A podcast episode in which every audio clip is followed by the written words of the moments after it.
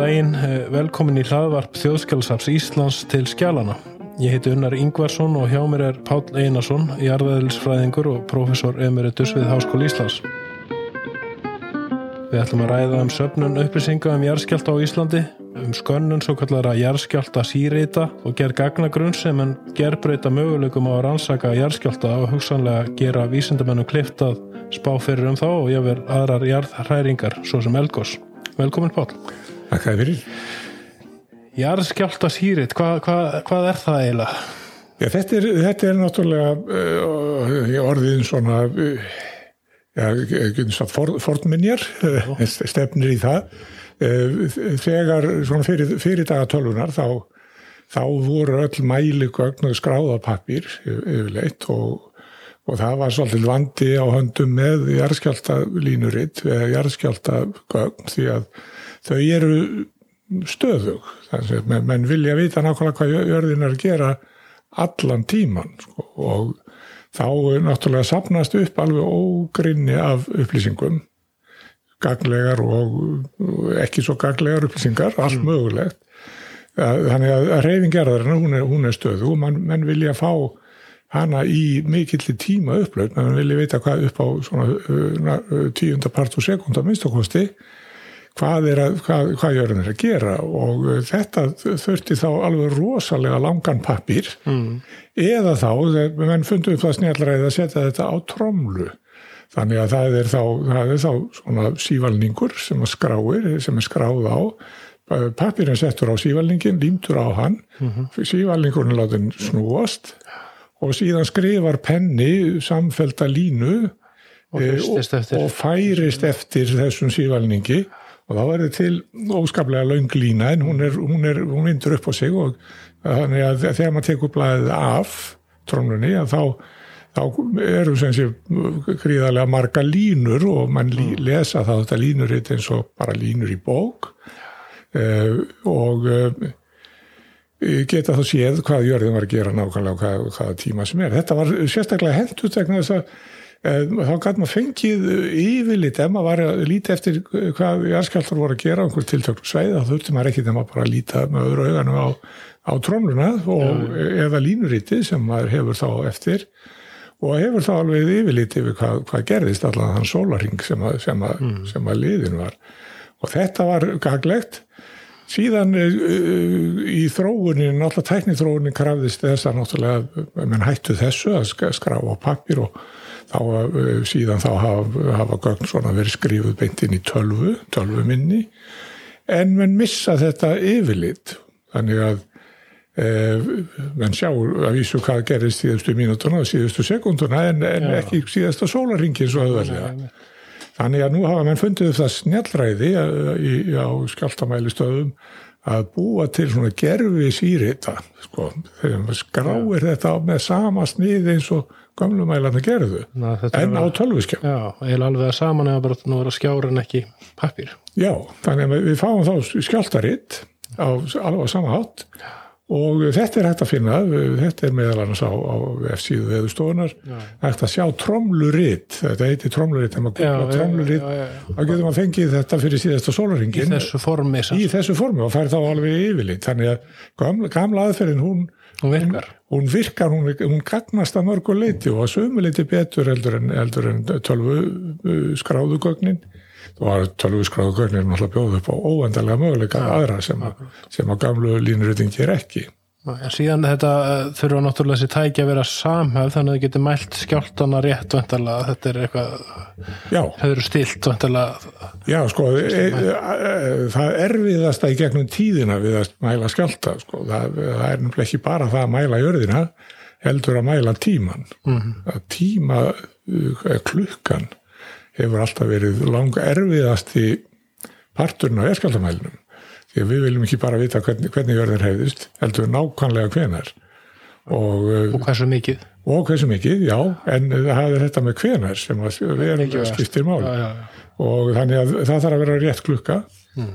Og uh, nú til dags er það ekki neitt mál lengur, nú höfum við GPS klukku sem er uh, réttari að nokkur annu klukka hefur verið í, í, í mannkynsögunni svo er það að nú er þetta ekkit mál lengur en þetta var í upphafi skjáltamælinga var þetta aðal vandamálið. Hvenar kemur þetta til þessi aðferð? Er þetta 19. aldar uppfinning? Já, e, e, þetta það er nú eiginlega ekki fyrir en kemur undir aldamótina 1800-1900 sko, já, já. sem að, sem að hérna, skjáltamælingar hefjast að einhverju, einhverju gagni. Það eru mörgljón í veginum, það er fyrsta lagi þarf að mæla reyfingu jarðarinnar og þetta er náttúrulega ekki alveg sjálfsagt mál, vegna þess að þegar við erum yfir að mæla reyfingar, þá miðum við við jörðina og gangum það ótrúið að jörðin hefist ekki. Akkurát. Þannig að þegar þú ætlar að mæla hvað jörðin reyfist þá þarf þetta að búa þér til nýtt viðmöðunakerfi og það er aðalmálið, þetta fyrir mannu lengi. Mm.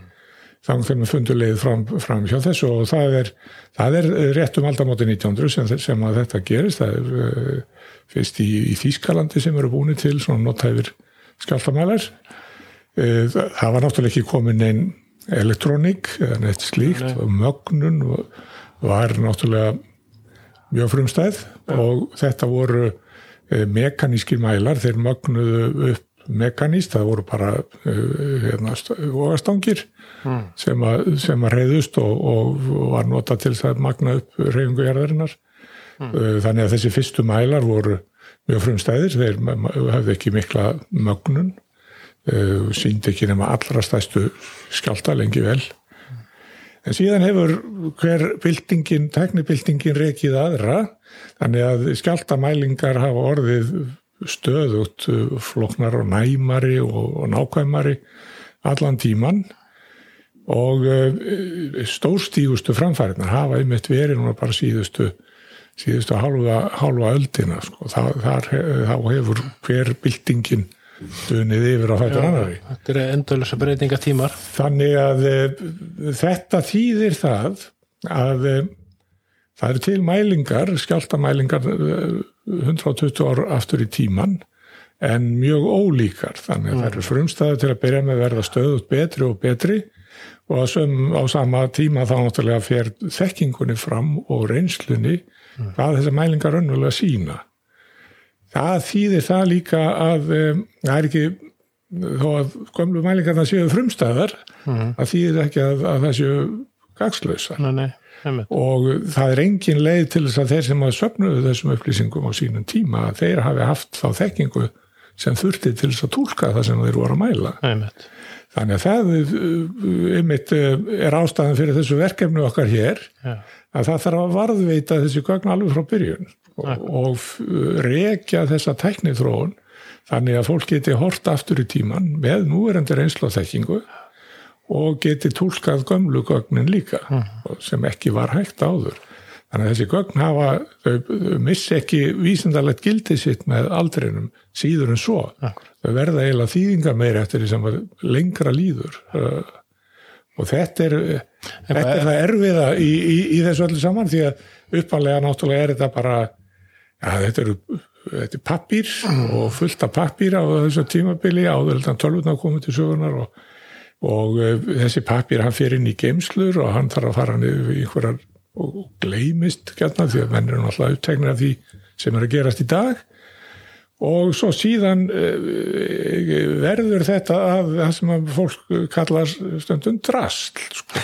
já, já. þannig að það verða til fulla geimslur af drastli sko. og, og þetta er hættulegasta stíð því að það, það er fullt af fólki sem að hérna, þarf alltaf að taka til þegar það er drastl og henda drastli og Já, já. og þá vilja svona gögn fara forgörðum og, og glatast Nú er náttúrulega talsa stór hluti á þessum gögnum gemdur hérna á þjóðskjálfsafninu og ég hef náttúrulega fullir heimskilna að segja ég einhvern tíðan gekk nú fram hjá þessum gögnum og sólskinn stundamælingum og svona hlutum sem eru varð eftir hérna og hugsaði með mér, já til hvers er þetta nú já. geima, en ef maður þetta hérna er það náttúrulega bara þekkingaskortur átt að segja á því, þetta eru mikið Já, þannig var þetta verkefni okkar líka hérna til, sko, það var, ég hef búin að standa yfir þessum gognum og, og verja, verja þau eins og, eins og hundur, sko, en e, svo, þá kom, kom sem sé stjórnarformaðu stofnunarina til mann særi það hérna niður í það, fullt herbyggja drastli, þar má ekki enda þessu. Mm.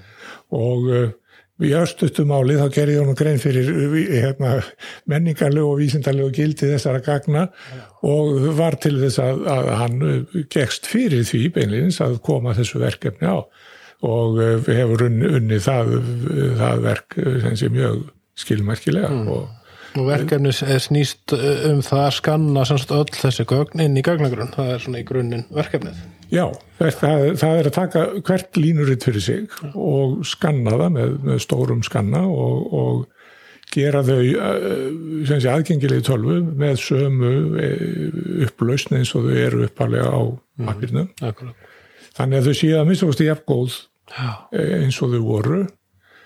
Og þau eru þá með þessu vinstfend vistalega að þau varðveitast væntalega betur mm. þau skemmast ekki rakaslissum eða flóðslissum eða einhverju slíku mm.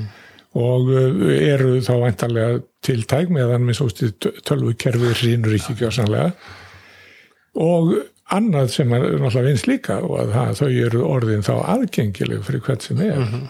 Því þau voru satt sér ekki sérlega aðgengileg í geimslánum. Nei, bara alls ekki, held ég. Já, nei, það, það þurfti verulega uh, svona kjarkmenn til að fara inn í þessa geimslur og reyna að grafa upp tiltekið línuritt. Akkurat. Það, það, þetta er náttúrulega bara svo, sko, svo fólk gerir sér grein fyrir magninu, sko, við mælum skjölevild í hillumetrum með hillu kílometrum og vantarlega er það sem er, var hérna að hafa verið kringum þrýr hillu kílometrar eitthvað svo leiðis. Já. Hann geta sett þetta inn í, inn í, í hugansinum, setja þetta inn í geimslunum sína heima Já. og séu hvað, hvað það er um að ræða þetta er, er ekkit smáraði þetta er ekkit smáraði sko en varandi bara svo fyrir maður að segja bara þessi gögn í svona, þetta byrjar á Íslandi fyrstu tilrönnir hvað 1910, 12 eitthvað svo leiðis Já, mæla. það er komin hingað skjáltamælir 1910 sem er nú eiginlega svolítið afrikota fyrir sig vegna þess að skjáltamælar voru í rauninni ekki fundir upp fyrir en rétt tíu árum áður og uh, það er þá orðið til uh, alþjóðasamband skjáltamælingamanna uh, um þetta leiti. Vísinda... Já, því að í vísinda, í vísinda heiminum er það komið á því að menn gerur sig grein fyrir því að þeir þurft að hafa alheims net af þessum mælum til þess að uh -huh. Því aðal forvitnin var nú ekki bara jarðskjáltar heldur líka innríkjar í jarðarinnar. Mm. Það kom, verið þá komið mjög fljóðlega upp svo hugmynd að reyna að koma skjáltamæli með góðið íllu til Íslands og setja hann upp hér. En hann var í, er, bara í áskiptastöðun eða?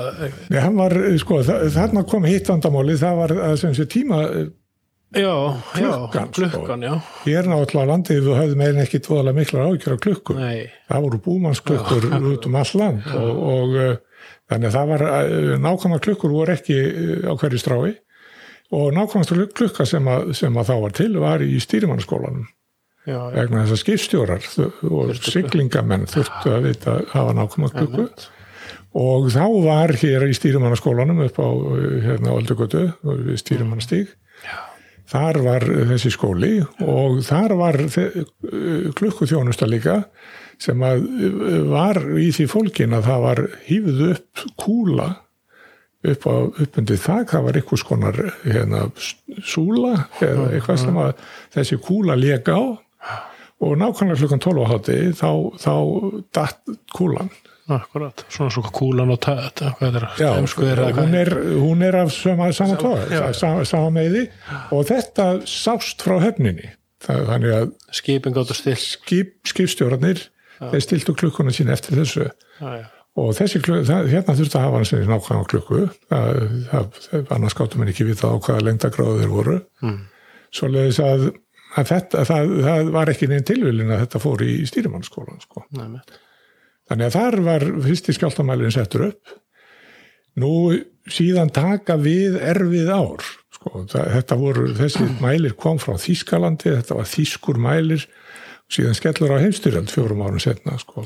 Og e, alla Evrópa er í uppnámi og, og þá rofna þessi e, sambönd e, út og það virðist eins og þó að væri verulegur áhugi sjálfur sér á, á þessu þá þá uh, hérna, mistóst að halda þessum mæli í gangi. Þannig að það var mjög stópult uh, þetta, þetta tímabil, þetta mæli tímabil hann alveg framundir uh, 1920 sko, gegnum stríðið og eftir stríðið þá eru þessir mæla þeir voru tveir settir sko, það þurfti að mæla þessi eh, austur og vestur og, og, og söður akkur. Og þeir voru sem sé þarna og uh, voru í einhver lamassessi svona drúan part af þessum tíma. Uh, svo er stofnu viðstofan Já, uh, á 1920 og þá er settur viðstofustjóri Þorkil Þorkilsson sem var að mentun eðlisfræðingur og var sem sé hafði unnið á sviði geislavirkni sem var líka nýju fundin á þessu tíma tíma hann var mjög, svona, hafði mjög breiða þekkingu og, og áhugamál. Þannig að hann uh, kemur þessu í gagnið aftur og byrjar á þessum jarðskjáltamælingu aftur, tekur það fyrstum tókum og síðan þá hefur þetta raunverulega verið alla síðan hefur þetta verið meira að minna stöðut en þessi fyrstu mælar þeir voru, þetta voru mekaníski mælar og skráðu á sótpappir þetta var, þetta var hérna, voru, þeir voru ekki mjög eh, næmir.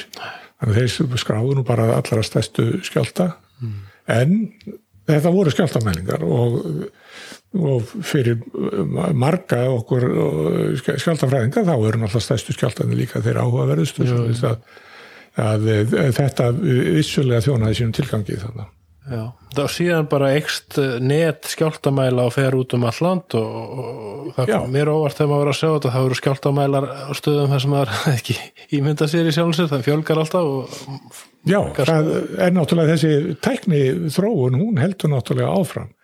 En hún var mjög hægt til að byrja með, þannig að lengi vel voru þessir mælar hérna í Reykjavík þeir einu sem, að, sem að voru í gangi. Og uh, síðan tekur við, það er eiginlega ekki fyrir upp um, um uh, í kringu 1960 sem sé 55 til 60 og það sem rekur á eftir mönnum þar er, var hérna almenna trú þá að það væri að bresta á köllugos vegna þess að Katla var hérna, og hún var eiginlega síðasta gos sem að menn höfðu nú orðið vitni að. Og hún var svona, hún var grílan á bakveg þetta allt saman. Og svo hafði Katla sínt af sér alveg ótrúlega reglusemi sko. síðustu þrjár aldirnar hafði Katla alltaf gosið í kringum 20. ár hverjar aldar og 60. ára hverjar aldar. Og hafði aldrei vikið mikið frá þessu. Þannig að fyrir að núna? Fyrir 1900, ég sagði sem það er 1860 og það er 1918 Já, og þannig að þegar fyrir að líða að 1960 þá voru bara allir samfæðir um það að það væri að koma stórt köllugos og eh, mönnum þótti það ekki verjandi að hafa enga skjáltamæla eða neitt, neitt eh, þannig að hér var settur upp næmari skjáltamælir, það var nú, tæknin var nú komin aðeins lengra líka. Það voru komin sem sé rafeindastýrðir skjáltamælar eða, eða magnaðir, magnaðir skjáltamælar þannig að elektróniki var komin til sögunar sko, og hérna þá var annar af þessum mælum gömlu settur í Víki Mýrdal sko, það var ástæðan fyrir því sko, að það var og svo var þessi næmari mælir settur í Reykjavík og hann síndi náttúrulega miklu, miklu meira af skjáltavirkni og, og eh, síðan var þessi mælir í Vík. Eh, og eh, síðan endar reyndan með því að hinn mælirinn var sendur til Akureyrar. Þannig að það voru þá komni þrýr mælar í gang svona um, 60 um þetta leiti sko. þá skellur á sem sé eh, upp úr þessu sem sé, það, þarna eru komnir, komnir þá eh, fullkomnari mælar eh, næmari, miklu næmari en þeir eru ennþá bundnir við staðið það sem er almennilega klukkur sko. Já, það er ennþá vandamál með það er ennþá vandamál með klukkur og, og það að náttúrulega þetta voru eh, magnararnir sem þarna voru, þetta voru lampamagnarar og þetta þurfti alltaf mikið rafmagn Já. og þetta þurfti að vera sem sé tengt í, í, í ra, ra, rafmasnetið Hmm. Svona að þetta voru nú ekki beint svona uh, hverstasmælar neinir þeir, þeir, þetta voru inn, í, inn í tæki sko. Já, já. Og þá kemur sem sé eh, aðalbyltingin í, í mælasmíði sem er í raun og veru það þegar er fundin upp eh, smárin eða transistorinn og, og, og eh, eh, sambyggðar á sér sko, sem er þá upp úr bara upp úr ni- um 1970 sko, eða rétt fyrir 1970 og það þýtti að það var það hægt að búa til ódýramæla, þetta var nú var elektrónik orðin ekki neitt mál sko Nei. og það þýtti líka að uh, lamparnir voru úr sögunni þannig að það var hægt að keira þetta út í náttúrunni sko. það var hægt að fara út með mæli og keira hann á bara batteri sko. og þetta var aðalmálið og, og uh, þannig var hætti þetta að vera svona sérfræðinga mál að reka svona mæli sko. þannig að, að þá uh, datt okkur í hug þá, uh, þetta var rétt um þetta leiti sem að ég kom til sögunar í þessari sögu þannig að ég er búin að upplifa þessar byltingar svolítið mm. þá uh, hönnuðu við mæli á raunvísindastofnun sem að var ægtað fyrir viðráðanlega peninga og sem að var gerður með það í huga að, að hver sem er að þyrti ekki teknimentað fólk til þess að halda hann gangandi Já. Og það þyrti til dæmis að, að við uh, hérna, sleftum því að hafa klukku í honum heldur að hafðum uh, radioklukku það var tímamerki frá sem var sendt með, með útvarsendi frá Breitlandi, það var tímamerkja stöð í Breitlandi sem var rætt að nýta Já. Þannig að allir mælandi fenguðu allt í einu klukku sem var eins allstað sko. mm. og maður svolítið í brokking, það dætt stundum út og það verður að láta okkur hafa það. Já, En e, þarna var þetta fjöldaframlega og var fjöldaframleitur þessi mælir á dönaðanum. Bara hérna á Íslandi? Já, já, já bara á dönaðanum í kjallaranum. Þar voru búinir til svona, svona mælar og, og við dreyðum þessu út um all land og uh, þetta var nú fyrst náttúrulega pröfukirt í, í Mýrdalnum. Já og uh, við veitum hvort þetta, hvort þetta væri hægt að reyka svona og þannig að einar á Skammadalshóli hann var nú okkar hérna, tilröna tilröna dýr í þessu að hann fekk mæli, hann var nú svo sem engin vennilegur maður en, en, en uh, hann, það gekk svo vel hjá honum að reyka þetta að uh, eldumst að kerki og, og, og fjöldafræðinu mælinn til þess að dreifa það út um alland og þetta tók nokkur ár. Þannig að þið hafði semst bara leita til bænda og fóstur um alland og spurt er þið ekki til í að taka í fóstur eitt mæli? Venjulega var nú farin leið, það var svona spæjað svolítið í, í héræði til að vita hverjir væru líklegi til að hafa áhuga. Já, áhugin skiptir náttúrulega megin máli og þannig að þessum mælum var komið fyrir hjá fólki sem hafði verulegan áhuga á því sem var að gerast í kringu það.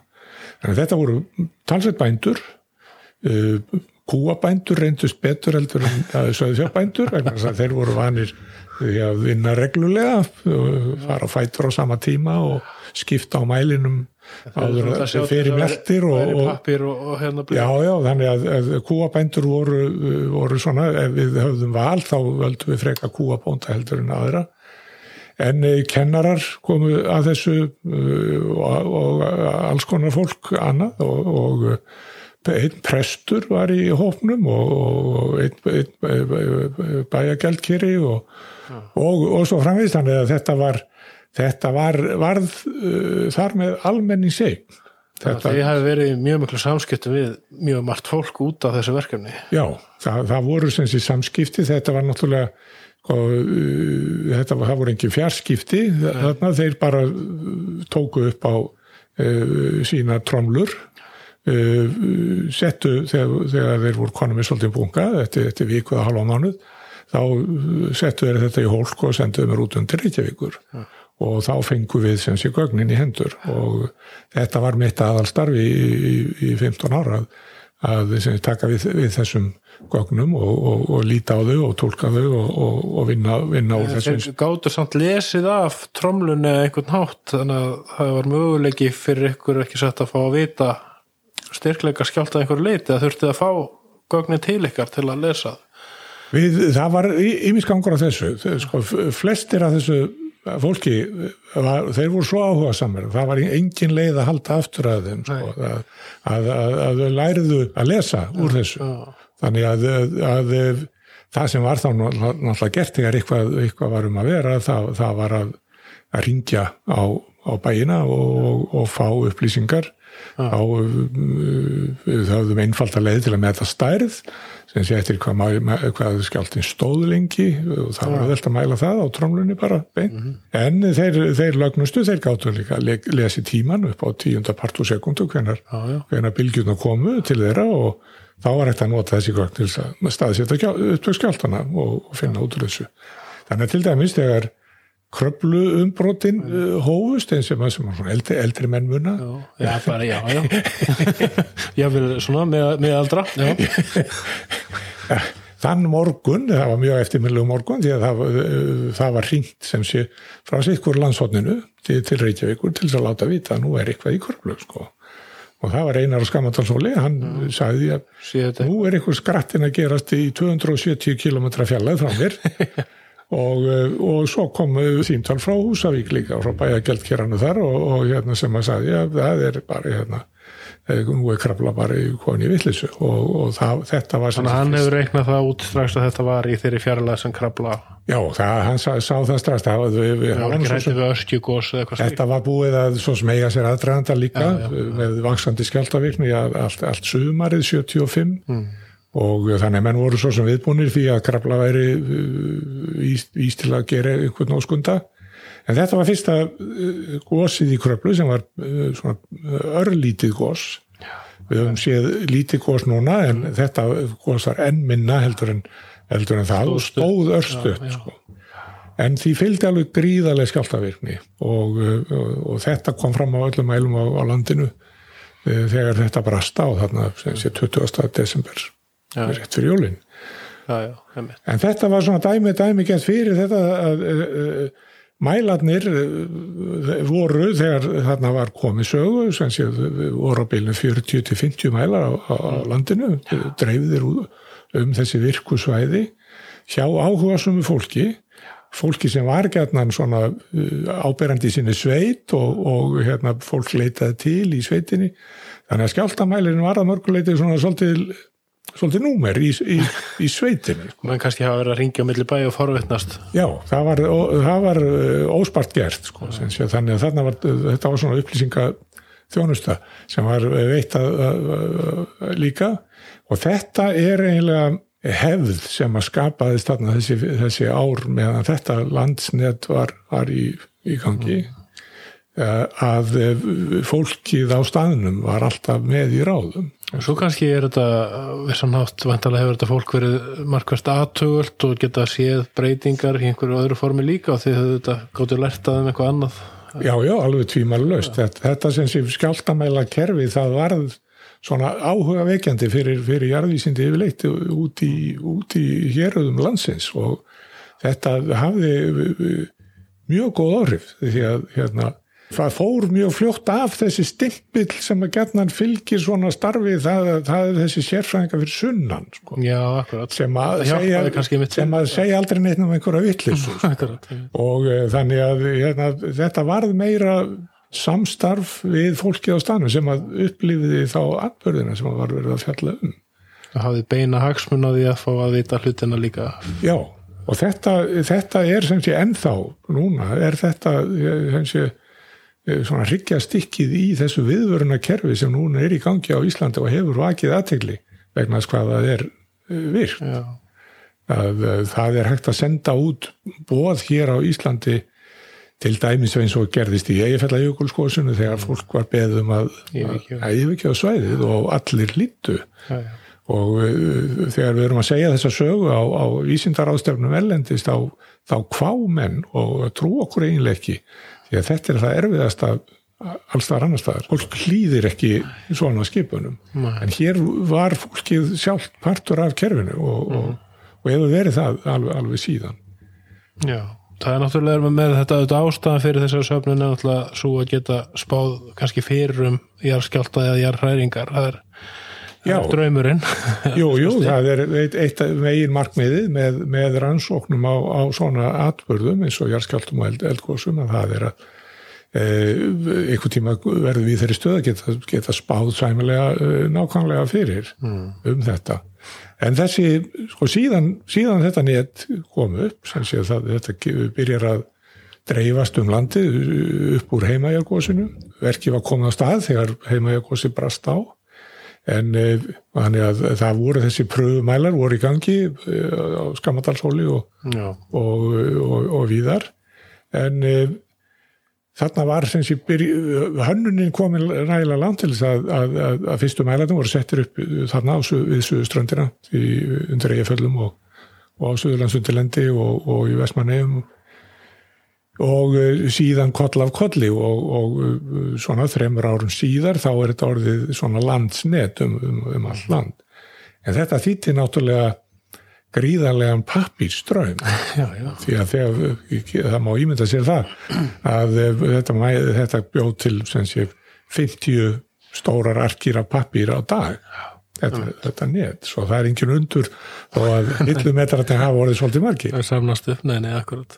Þetta, já, já, þetta er náttúrulega hérna, stór merkilegt framtæk á heimsvísu, er það ekki? Er, Jú, að, að mörgu leiti sko, og, og uh, það, þetta var líka til þess að vegna þess að allir voru uh, þarna komnir eiginlega á skjáltavakt sko. Já, og eins og þjóðin er eiginlega ennþá.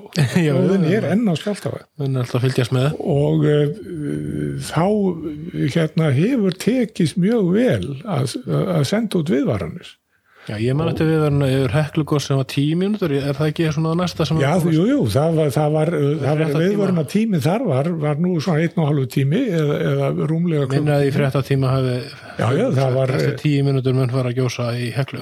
Jú, jú, það, það, uh, og það stóð, stóð allt saman. Stóð, en uh, ef maður tekur saman bara hvað, hvernig hefur gengið sko, það, þetta hafa verið rúmlega 20 gos á, á 40, 40 til 50 árum eftir að skjáltamælakerfið er sett upp, þetta næma skjáltamælakerfi og það hafa verið sendar út viðvarnar og undan tveimur þriðju gósana mm. Þannig að af, af 21 gósi voru 14 gós sem var sendt út viðvörun áður en gósi byrjaði. Já, Þannig að eh, heklugósið 2000 var náttúrulega meistarstykki. Þar, þar eh, tókst þetta sérstaklega vel að því að það, þetta gerðist eiginlega á fréttatíma já, já, ríkisúttarstins. já, einmitt. að hérna, Já, að viðvörunin kom reynda klukktíma undan sko og þannig að eftir var tekið. Þannig að fréttin var komin nýr á fréttastofu ríkisútarsins í fréttatímanum klukkan, klukkan 6 og síðan byrjaði gósið 1900 yfir. Yfir 6, þetta var fyrsta fréttin í, í, í, í 6-fréttunum sko en þetta hafði verið praktiserað alveg í, í, í kröplum brotunum, það öllum gósunum eftir þetta fyrsta var líka, líka spáð eða það var, voru sendur út viðvaranir á undan öllum þeim gósum sem voru alls nýju, nýju talsins. og svo hafa náttúrulega eldstöðar uh, náttúrulega sinn takt er það ekki hver fyrir sig? Þannig að það með þurfa að kunna á uh, kerfin líka? Já, eldst að það hafa eiginlega sína eh, skapgerð sko, menn þurfi eiginlega að kunna inn á þessa skapgerð í hverri eldstöð, það eru eru allar svolítið ólíkar hver annari sko, þannig að og við erum að læra á eina núna er það ekki? Jú, þetta er alveg ný, uh, alveg ný uh, skapgerð sem við höfum orðið vitna núna á Reykjanesi sko. Já, dildótt en, en alveg ótrúlega regluföst. Þannig að þegar, þegar guðsugangurum var í, í gangi núna fyrir, fyrir hálfu mánuð eða tveimur, uh, þreim vikum þá var þetta spá fyrir um guðsunar bara með uh, Já, á, á tíu sekundur sko. já, já, þannig að og það var, þær komu á, á tíminna fresti sko. já, já. og það var þetta að sjá það fyrir hvenar, hvenar næsta guðsa myndi vera og, og það stóðst þannig að eh, þessi, þessi partur af freðanum hefur, hefur gengið ótrúlega vel á, á Íslandi og það fyrst og fremst fyrir þennan almenna áhuga fólks á þessu, það er allir að fylgjast með hvað er að gerast og þegar sendir út viðvörun það vita allir hvað það táknar sko. það er ekki bara einhverjir einhverjir stjórnmálamenn sem eru að, að sinna eh, þörfum sínum eða eitthvað svoleiðis til þess að fá, fá aðtegli, menn vita þá af hverju Þetta, semst, þetta verkefni sem slíkt, þetta kemur til þá jarðvistastofnun stendur fyrir þessi samstarfi við nokkuð marga aðeila og síðan, styrt með fjármagni. Það eru sko, það er náttúrulega margir aðeila sem hafa staðið að þessari gagnasöfnun og, og það var ekki bara jarðvísindastofnun sem stóð að þessu skjáltamelanetti, þetta var gert í samvinnu stofnana, veðustofan stóð uh, í þessu með, með okkur allan tíman og, og orkustofnun á sínu tíma gerði það og, og landsvirkjun uh, stóð líka fyrir þessu ímis bæjarfjölu eins og Selfoss og Húsavík stóðu líka með okkur í þessu það Já, að- er verk, já, já. Já, já, þau, þau styrtu á þann hátt sem að þeim þau gátu eða, fyrir þá aðstöðu eða, eða eitthvað slíkt og, eh, og svo náttúrulega allt, allt, allir þessir skjálta verðir sem að sá um mælana, þeir, þeir fengu að vísu einhvers konar uh, laun en það voru ekki, það voru ekki, uh, það voru ekki tíma, það voru ekki tíma laun sko fyrir, fyrir fyrirhöfnina, þetta var meira taknrænt sem þeir fengu borga og þeir gerðu þetta langmestuleiti af, af reynum áhuga. Já.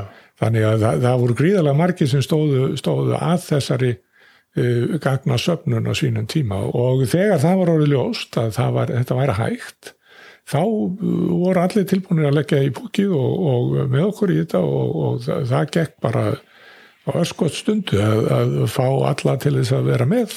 Og uh, þannig að það hefur, það hefur gengið, uh, gengið alveg ótrúlega vel. Uh, og núna sjáum við Næstum til hans. Næstum til hans. Þetta er búið að vera fjör ára verkefni ynga til og við þurfum svona við þurfum kannski árið við bótt til þess að, að klára, lausa enda og, og allt það sem að það er ennþá verið að finna uh, gögnin í hillum hjá sér sko mm. þannig að þessu líkun og sennilega seint alveg en aðstæðan er fyrir hendi til þess að, ja, til þess að bæta við ef, ef áþur að halda og, og skanna vera en þetta er hefur opnað alveg nýjar, nýjar, nýjar vítir og það er fólk sérstaklega þetta allir hafa núna aðganga að þessu bara hefur þessu. Það getur hver sem er séð afrasturinn, hvar getur fólk nú séð þetta? Nú, það er þá bara að fara inn á, þetta er vistað á, á F-síðu hjá, hjá Jærvísindastofnun, fara bara inn á F-síðu hennar þar og, og þá eiga mér nú að finna leið í gegn, finna krækjuna á þetta og Og þá er þetta að velja semst bara ákveðna stöð eða ákveðin skjáltamæli og sjá, sjá það sem er búið að skanna þá af því. Ef menn er að, að tekka einhvern ákveðin atbyrg, þá er þetta að fara inn á ákveðin, ákveðina dagsetningu og, og fá fram línurittin á tölviskjáin og, og menn eru til tölva fljótir að læra á, á þessi rít, hvað þau eru virkilega að sína og þess aftar sem bara listræni hérna alltaf því mér sko ja, vel hefnað skjáltarið það er, það er listaverk og, og reyndar hafa listamenn listaverk gerðarnar tekið, tekið það fyrstum tökum sko. Er, já já, Ólaur Eliassoni mitt notaði já já, og Artgunur Ír hefði heila, heila uh, málverkarsýningu sem var það sem hún málaði og hann í kopjur af, af skjáltaritum sko. já já og það er meira að segja merkilegt eða hérna, hún tók mjög merkileg línrödd og, og málaði hann í það og, og þetta eru raun og veru spárið sko, sem að Artgunur gerði. Því að hérna e, rítin, hún, hún heimsat okkur e, sumarið 96 og þá var orðið ókýrt upp í vatnajökli. Vatnajökul var það voru skjálta hrinur í vatnajökli sem að vöktun og svona aðtikli jarðvísindamanna og nefn að artkunni þótti þetta alveg sérstaklega flott línritt og, og það voru jærskjáltar á, á línrittunum og allt það og svo hún fór að spyrja út úr hvað, hvað þessi skjáltar þýtt og, og var að draga upp úr okkur það þetta, já, þetta væri nú óeinlega skjáltarvinni og gæti verið að væri eldgóðs í bíkjert og hérna og þá spurði hún enn meira og dróð meira, hún var betri en okkur fréttamaður að, að draga upp og spurði hvað myndi það þýða ef það er þarna eldgóðsundi jöklinum? Og við sagðum, jú, það er þá til fjall undir, undir jöklinu vantarlega og, og þá sagði hún bara strax, já, ég ætlum að mála þetta fjall.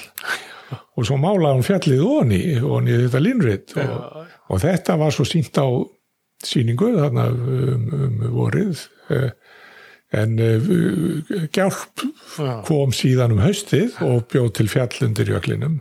Eftir hennar forskrift. Sveimir þá ég held að sé bara eiginlega alveg eins.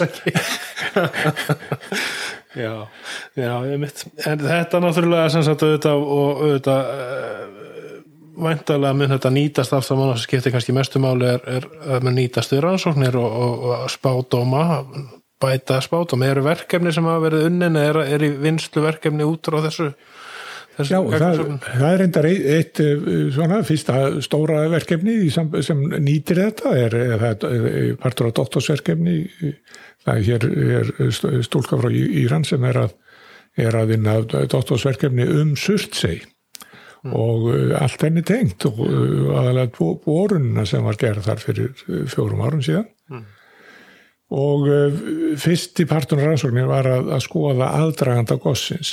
Og þannig að, að það kom akkurat á réttum tíma mm. það var akkurat búið að skanna öll línuritin frá Surtsíagósinu ja. og þetta er reyndar, þetta verkefni er ekki ein, einstakt að því leiti að, að, menn eru víðam um að vakna til meðutundar um, um þessi gömlu gögn heima hjá sér eh, sem eru víða óðum að týnast og, og glatast mm. og menn vilji ekki láta það gerast vegna þess að í þessum fræðum, svona sérstaklega þegar á að skoða langtíma hegðun jarðskorpunar að þá eru gömlu gögnin mjög verðmætt. Man þurfa vantilega tíma líka, tíma línu til að geta skoða breytingar. Já.